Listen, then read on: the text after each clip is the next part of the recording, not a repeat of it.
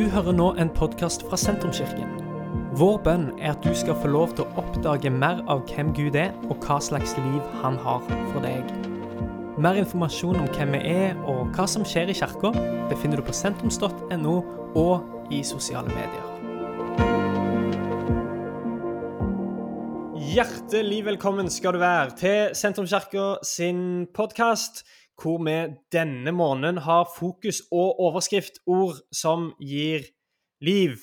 Og hvis du har hengt på de siste ukene, så har du hørt at vi har snakket om den indre samtalen og ordene som vi bruker over oss sjøl og inni oss sjøl.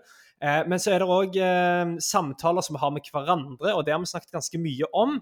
Eh, hva slags ord vi bruker i samtaler med hverandre. Eh, et av de store spørsmålene vi har stilt, er jo om Gud har forsvunnet fra samtalen vår. Uh, og uh, hvis han har det i møte med andre som tror, ja, da har han i hvert fall forsvunnet i møte med de som ikke tror. Um, så vi har snakket ganske mye om det. Uh, og vi har snakket om at ordene våre kan faktisk være med å gi liv. Både i eget liv og, og, inn i andres liv. jeg er veldig gira, for rett foran meg så ser jeg en PC-skjerm, men på den skjermen ser jeg Knut Idland, pastor på Betlehummer Såk en eh, venn av Sentrumskirka siden eh, starten. Og ellers eh, en av pinsebevegelsens høvdinger, må jeg vel få si. Velkommen, Knut. Jo, takk. Det var da veldig, da. Men eh, takk for invitasjonen. Kjekt. Veldig kjekt at du er med. jeg har jo invitert deg, Knut, med den hensikt at jeg har lyst til å høre vitnesbyrdet ditt, historien din. For det, det, å lære seg å sette ord på historien som vi alle sammen har, den eh, kan òg være med å gi liv. Eh, og til og med frelse, eh, tror vi på.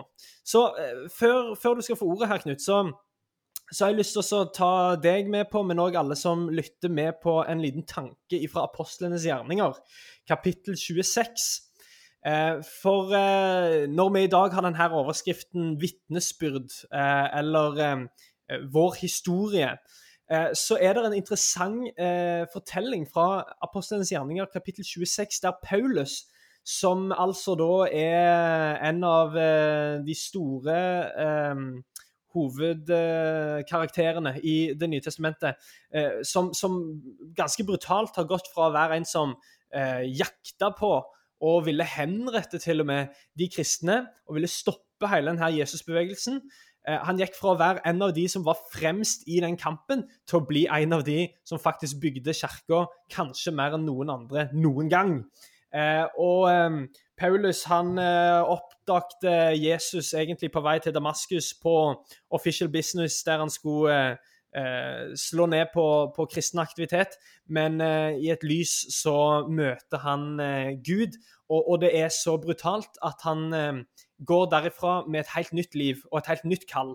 Ehm, etter masse greier eh, og mye oppstyr som er rundt eh, Paulus eh, sitt liv, så forviller han inn i, eller forviller seg inn i masse rettslige prosesser, og til slutt så ender han opp hos kong Agrippa.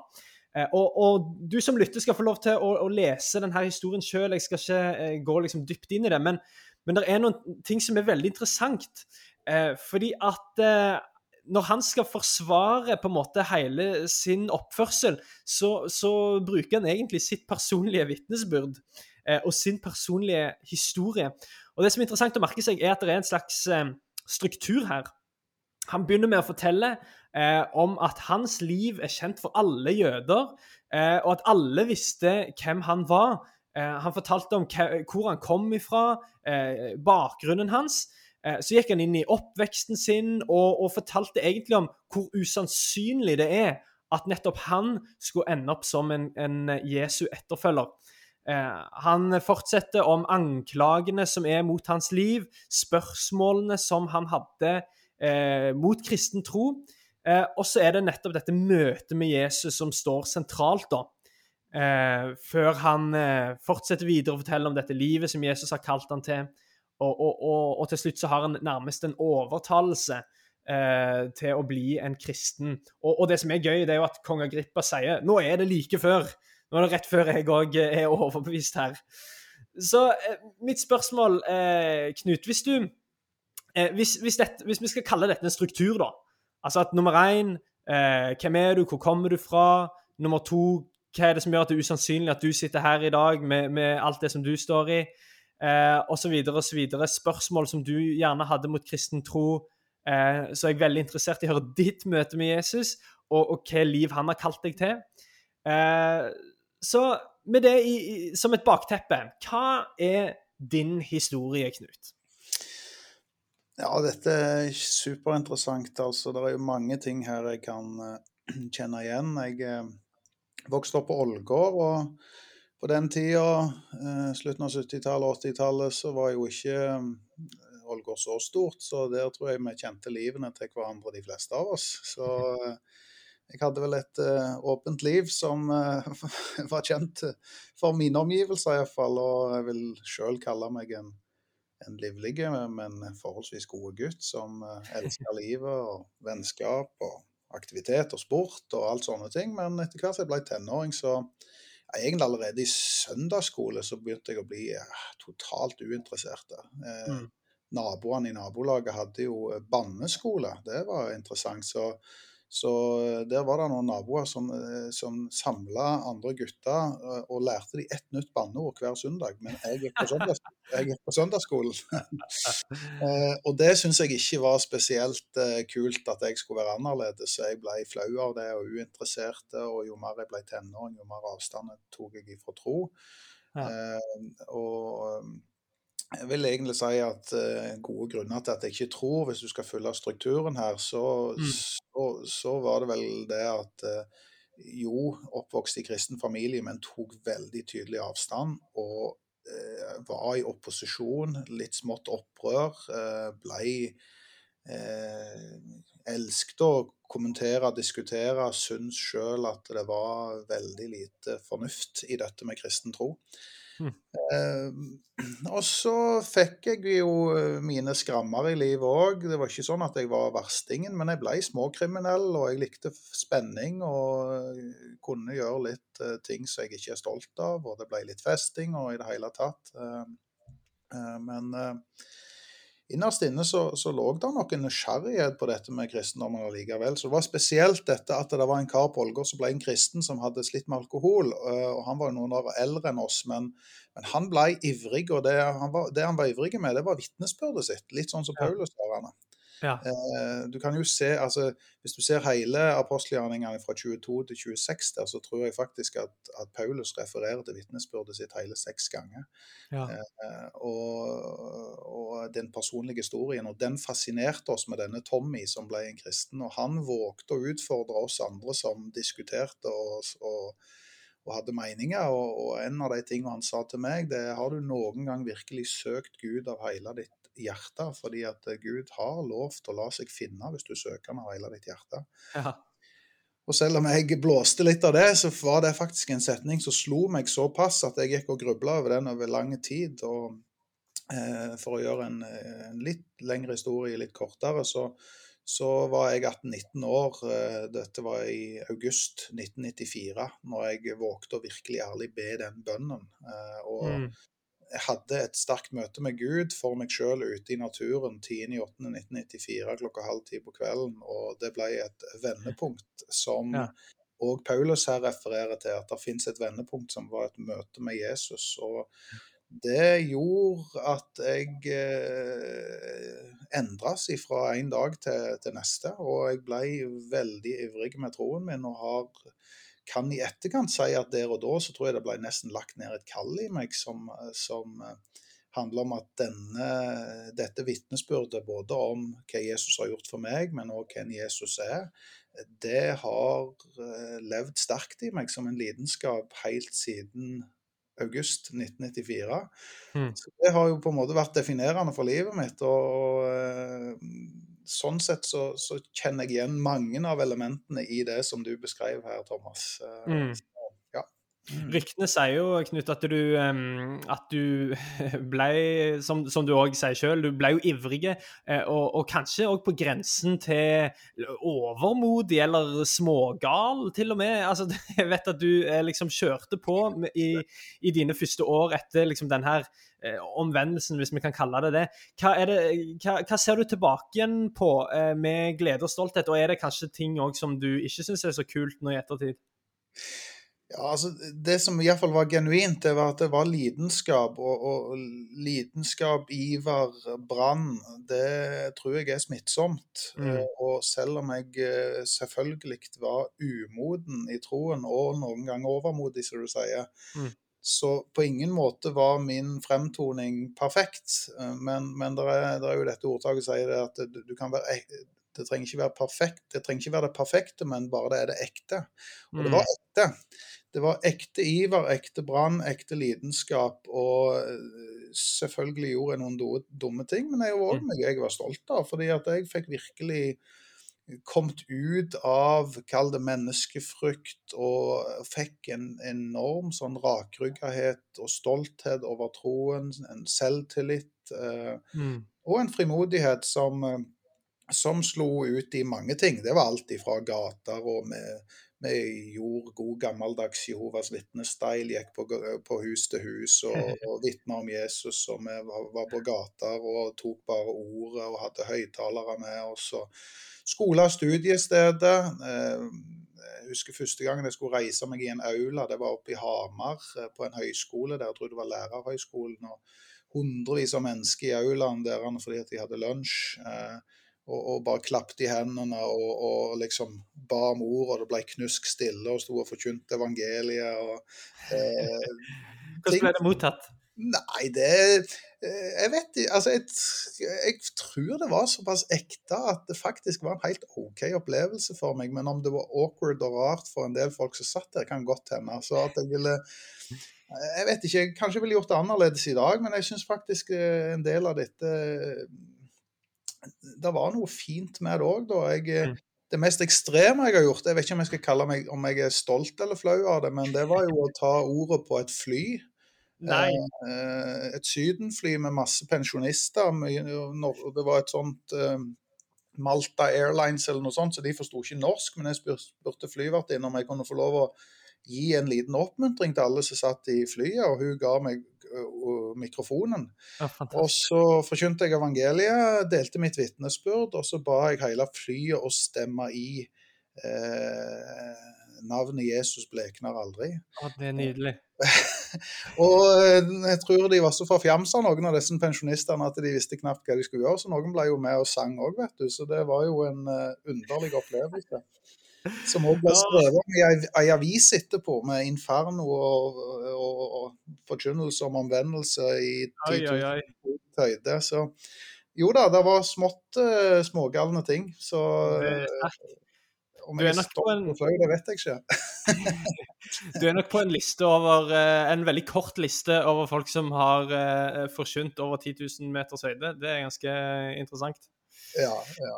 Du, altså er det jo sånn at eh, når man blir frimodig eller eh, tar til seg liksom motet eh, og, og, skal gjøre en sånn ting, så, så er jo òg eh, Enten det er på et fly og veldig offisielt, men det kan òg være bare i møte med et, e, et annet menneske, så vet vi jo at eh, at det kan være utfordrende, og at vi, at vi, kan oppleve noen på en måte eh, vonde ting òg.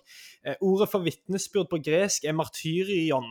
Eh, og, og, det var opprinnelig ikke noe sånn der eh, religiøst lade ord, det var egentlig en sånn juridisk term som rett fram betyr å vitne.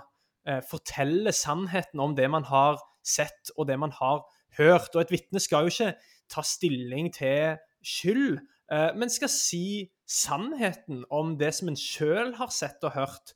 Eh, og så er det jo opp til eh, de som er rundt, å liksom verifisere eh, om dette kan stemme. Um, og, og, det er jo først i etterkant da dette martyrion har blitt til martyr, som, som har gått fra å være liksom det klassiske å være et vitne til å bli en som dør for troen sin. Og kanskje så har har det å være et vitne vært en så modig ting for folk at den som offentlig da er, setter ord på troen sin og, og, historien sin og risikerer før eller senere å måtte stå til ansvar for det, og kanskje til og med da satse livet sitt på det. Og, og, OK, det var veldig brutalt i, i de første periodene av, av kirkehistorien, og, og, og, dessverre så er det jo brutalt i mange land i dag òg å, være offentlig med, med troen sin.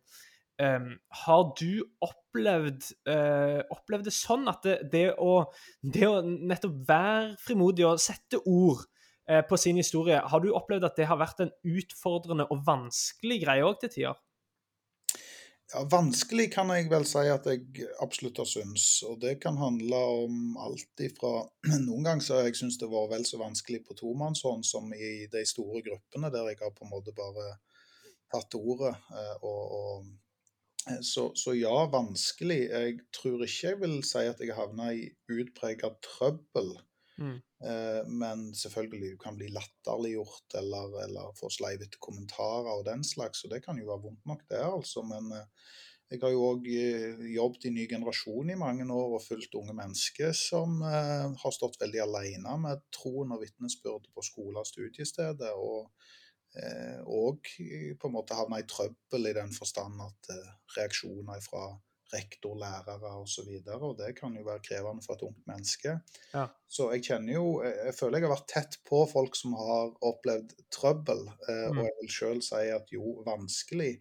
Og så eh, har jeg òg vært uviselig noen ganger. Altså, jeg husker i min iver eh, Du spurte om jeg hadde angra på noe. altså Eh, noen ganger så har jeg vært eh, så nidkjær at jeg òg har blitt hard, eh, ja. loviske eh, hatt eh, for mye pekefinger med det jeg har mm. gjort. Husker at jeg eh, ble jo si, ivrig og radikal, så jeg, jeg, eh, tror jeg nesten dømte de til helvete hvis de tok en røyk, liksom. Så, det, så, så, så crazy kunne jeg være. Og da kan du jo få folk imot deg, og det forstår jeg jo. Ja. Så du kan jo gjøre uviselige ting i din iver òg, men nå tror jeg ikke den største problemet for oss i dag er at vi er for ivrige. Jeg tror heller det er med at vi er for, for bakpå. Eh. Mm.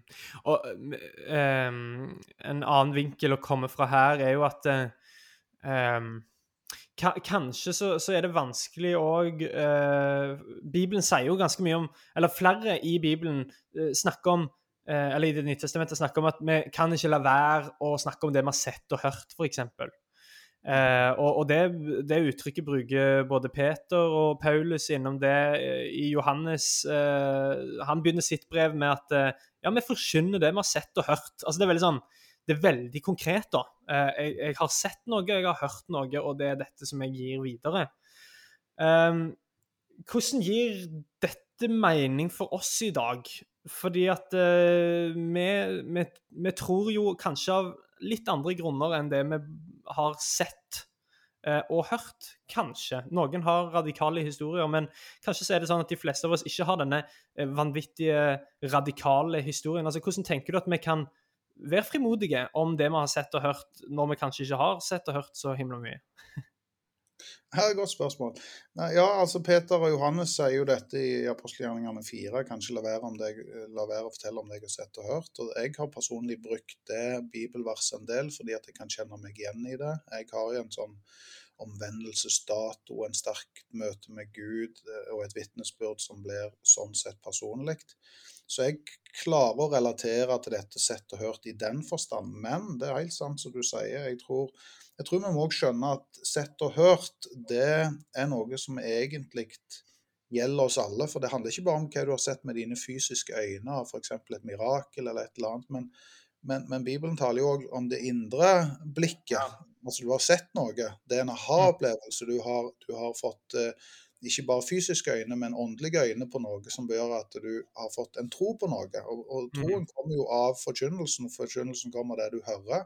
Så i den forstand har jo alle hørt noe som de har kommet til tro på. Eh, og det betyr at de har et vitnesbyrd i seg. Eh, og eh, jeg siterer gjerne et 1. Johannes 5 vers, fra vers 9 til 12 så står det vi godtar vitnesbyrdet fra mennesket, men Guds vitnesbyrd er enda sterkere.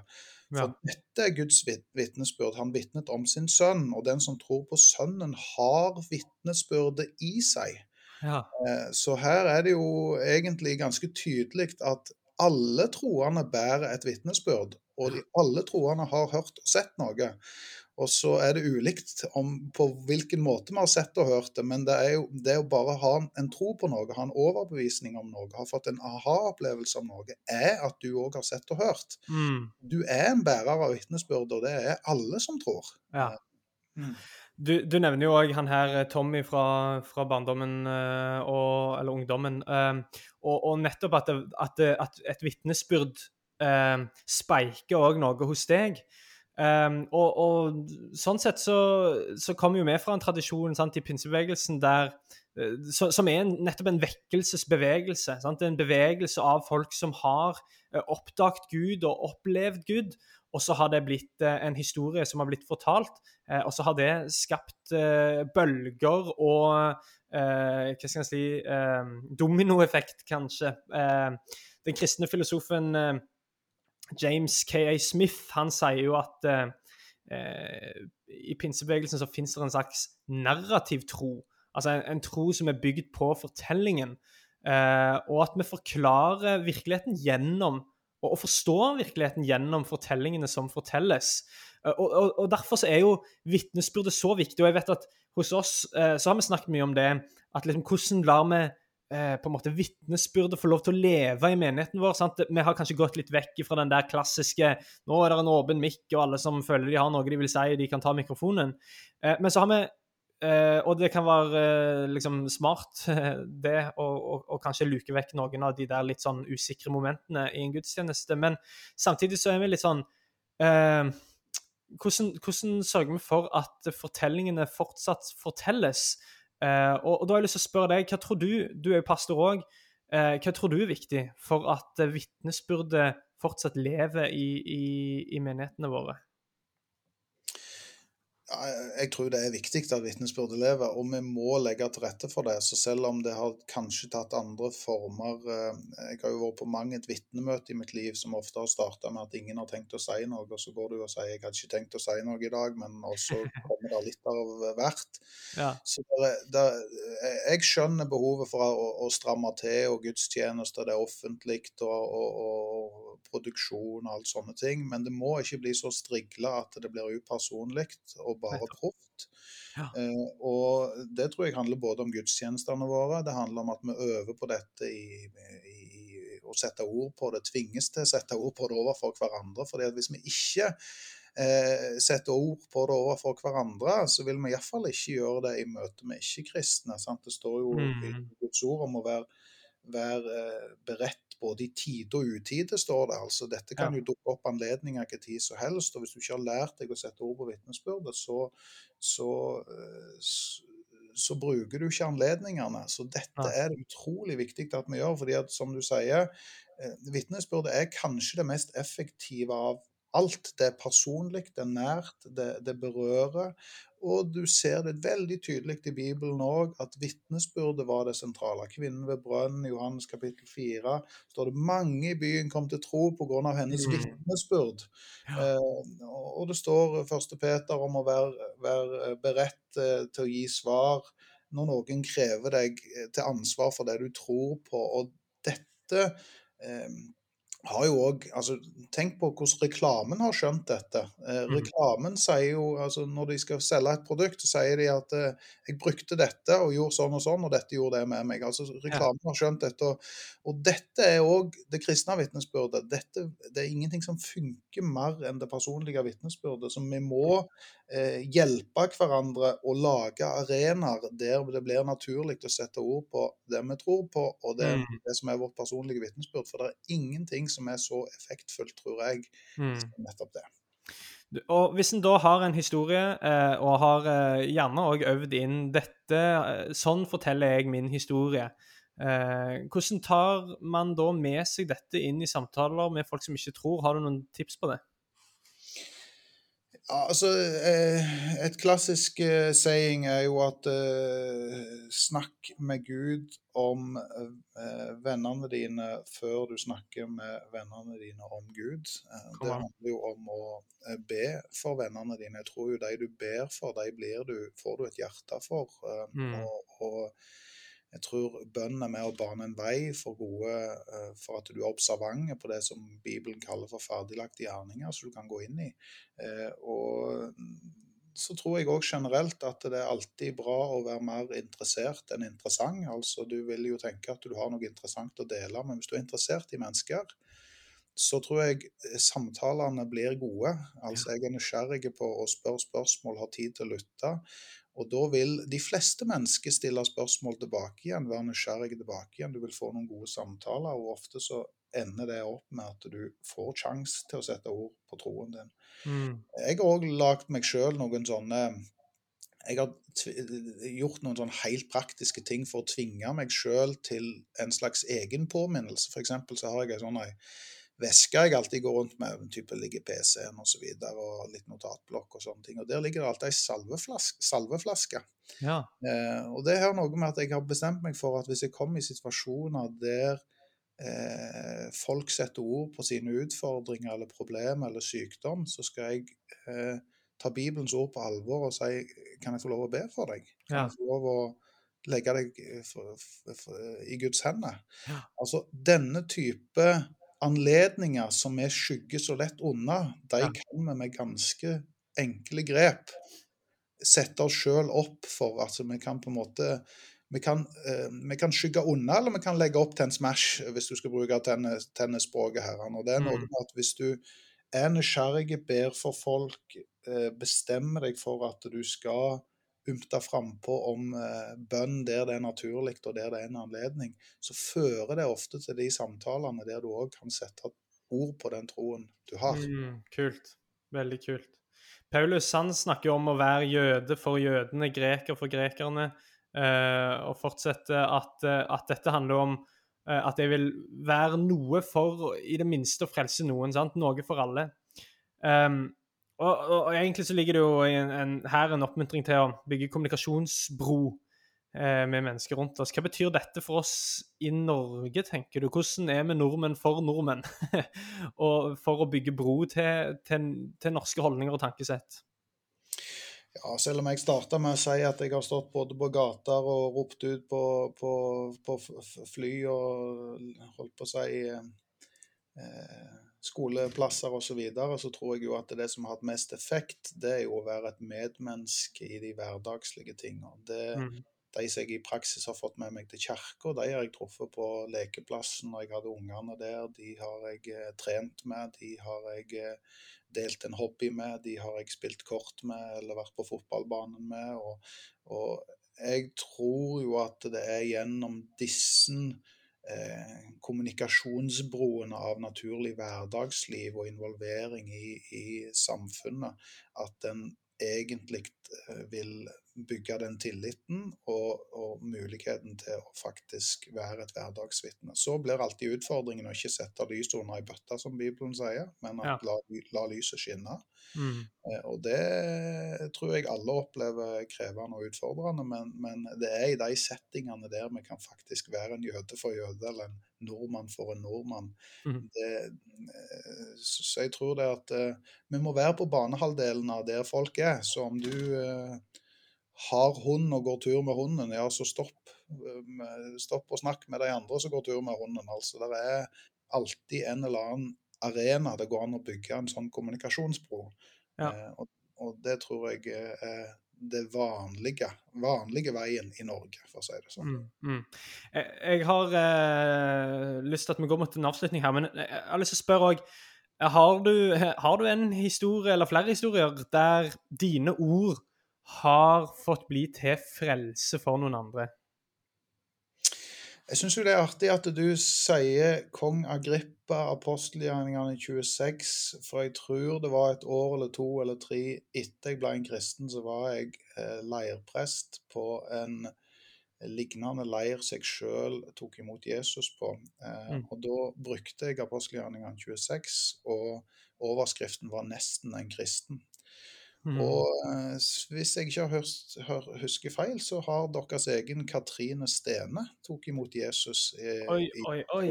på den talen. Og det var en kombinasjon av mitt vitnesbyrd og, Ja. og eh, en andakt av, om eh, eh, kong Agrippa og Paulus og overskriften 'Nesten en kristen'. Mm. Så jeg har opplevd det mange ganger fra talerstolen at folk har tatt imot Jesus. Men jeg har òg opplevd det på litt nærere. Jeg tror vitnesbyrdet mitt har bidratt til at min søster tok imot Jesus. Jeg har eh, ikke det ferskeste tilfellet, ei, ei Hummersåk som eh, ville ha en eh, samtale, og det var en mer sånn pastoral samtale. Men eh, den eh, endte opp med at jeg eh, ledet henne til, til tro på Jesus og ba frelsesbønn for ikke så veldig lenge siden. Wow. Og så har jeg noen sånn gullkorn opp gjennom tidene. Det er type sånn eh, ute på gateevangelisering får et kunnskapsord, eh, og, og et menneske begynner å gråte fordi det treffer sånn, og får en Mm. anledning til å dele evangeliet. Så Mm. Jeg har opplevd det både på, kall det familiært, eh, og lokalt, og gjennom mer overnaturlig kunnskapsord, men eh, jeg tror nok det hyppigste som forkynner, så har det skjedd ifra talerstolen à la Katrine Stene-historien. Ja, kult. Veldig kult, eh, Knut. Tusen hjertelig takk for eh, at du eh, setter mot i oss og, og deler så frimodig fra, fra dine perspektiver og ditt vitnesbyrd. Her er det masse bra å, å tenke på og ta med seg. Og hvis jeg skal gi en oppmuntring til deg som, som lytter på her, så har jeg lyst til å oppmuntre deg nettopp til å eh, sette seg ned kanskje og skrive ned sin historie. Og det trenger ikke eh, være eh, en liksom sagnomsust greie, men det at det er din historie, og at den lever i ditt liv, det er det som også gjør at den kommer til å, å treffe andre mennesker. Så eh, la oss være en sånn menighet, da, som, eh, som kan sette ord på troen vår eh, på en sånn måte at at det er ærlig, og så vet vi jo aldri når, eh, når det treffer noen andre, og hva Gud gjør med våre ord. For vi tror at det er ord som kan eh, føre til frelse, eh, og ord som i hvert fall gir liv. Tusen takk for at eh, du ble med, Knut. Helt konge. Og eh, takk til deg som har hørt på.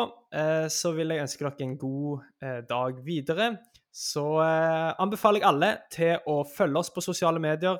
Sentrumskirken, Sentrumskirken Stavanger eller Sentrumskirken Farsund, sånn at du er oppdatert på hva som skjer videre i kirka. Vi snakkes! Dette er slutten på denne podkastepisoden. Har du spørsmål om Jesus, om tro, om livet, så er du hjertelig velkommen til å ta kontakt med oss via sentrums.no.